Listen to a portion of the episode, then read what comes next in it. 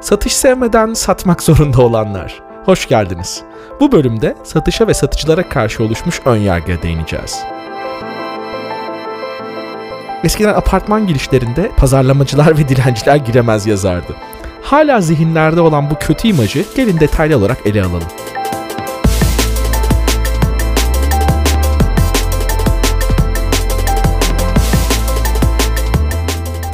Ailelerden benim oğlum doktor olsun, avukat olsun duyarız ama benim oğlum satış elemanı olsun duymayız. Bu podcast'in başlığını hazırlarken ben bile tereddüt ettim. Satışa ve satıcılara karşı neden ön yargı vardır? Hani satıcıya karşı derken satış pozisyonları deme ihtiyacı hissettim. Çünkü satış yapan insanların dilimizdeki karşılığı satıcı ve birine satıcı demek kendi içinde bir aşağılama ifadesi işte aa bizi sattı lan ne satıcı adamsın gibi.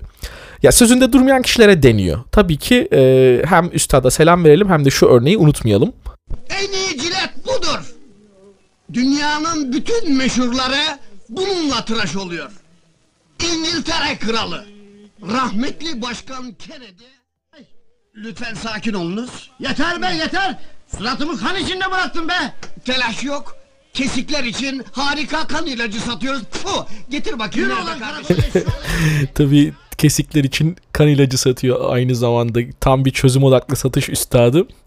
Tabii şaka bir yana toplumumuzdaki satış ve satıcı algısı hala bu noktadan çok da ileri gidemedi.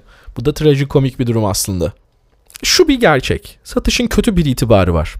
İstemediğiniz veya ihtiyacınız olmayan veya paranız yetmeyecek şeyleri sizi kandırarak veya kelime oyunlarıyla satan insanlara satıcı deniyordu. Fakat bu nosyon artık geçmişte kaldı. Satış birini harekete geçirmektir.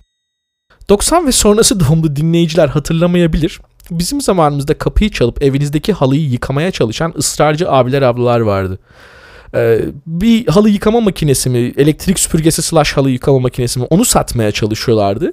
Tabii ki e, sosyal medya kanallarının olmadığını, yalnızca geleneksel kanalların olduğunu düşünün ve demonstrasyon yapmak için başka seçeneğiniz yok. Bu arkadaşlar kapı kapı dolanıp evlerdeki halıları yıkamaya çalışıyorlardı.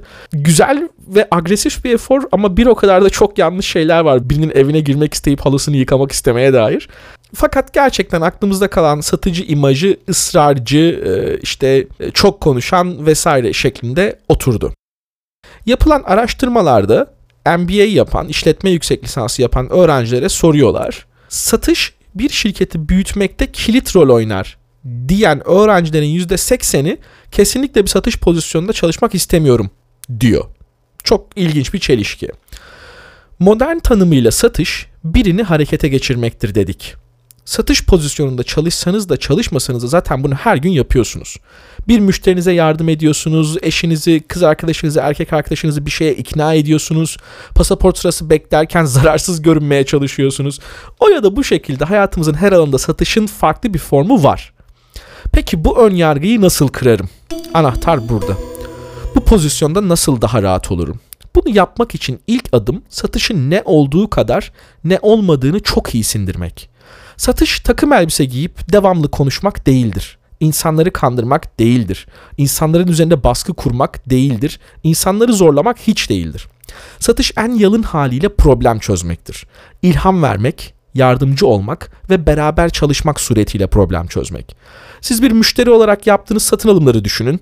Ee, işte en iyileri nasıldı? Kendinizi nasıl hissettiniz o iyi satış deneyiminde? Çok yüksek ihtimalle bir satış elemanının varlığını bile hissetmeden sizin probleminizi çözmek için gerçekten samimi ilgi gösteren biriyle muhatap oldunuz ve çözümü bulmada size eşlik etti. Aslında çözüme giden yolda size liderlik etti ama siz onu eşlik gibi hissettiniz. Anahtar burada işte. Podcast'i sonlandırırken temel mesajım şu. Şirketinizi büyütmek için satış en önemli unsurlardan biri ve sevseniz de sevmeseniz de bu yolculukta bir yerde karşınıza çıkacak. Bunu bir satış profesyoneline delege etseniz bile o dünyanın dinamiklerine hakim değilseniz satış kurgunuza ve elemanlarınıza da tam hakim olamayacaksınız. Teknik açıdan şöyle düşünün. İşte 5 tane kod yazan, işte yazılım geliştiren elemanınız var. Bunların başına operasyonu yürütmesi için kod yazmayı hiç bilmeyen birini getiriyorsunuz. Ne kadar başarılı olur? İşte satış bilmeden satışı delege ederseniz de aynı ölçüde başarısızlık sizi bekliyor. Satış havalıdır. Satış keyiflidir. Satış eğlencelidir. Sıkıntılı tarafları tabii ki vardır. Özellikle bu ekonomide kat kat fazla var bu sıkıntılar. Ama bunun karşılığında tatmin oranı da çok yüksektir. Toplumun ve ön yargıların sizi aksine ikna etmesine izin vermeyin.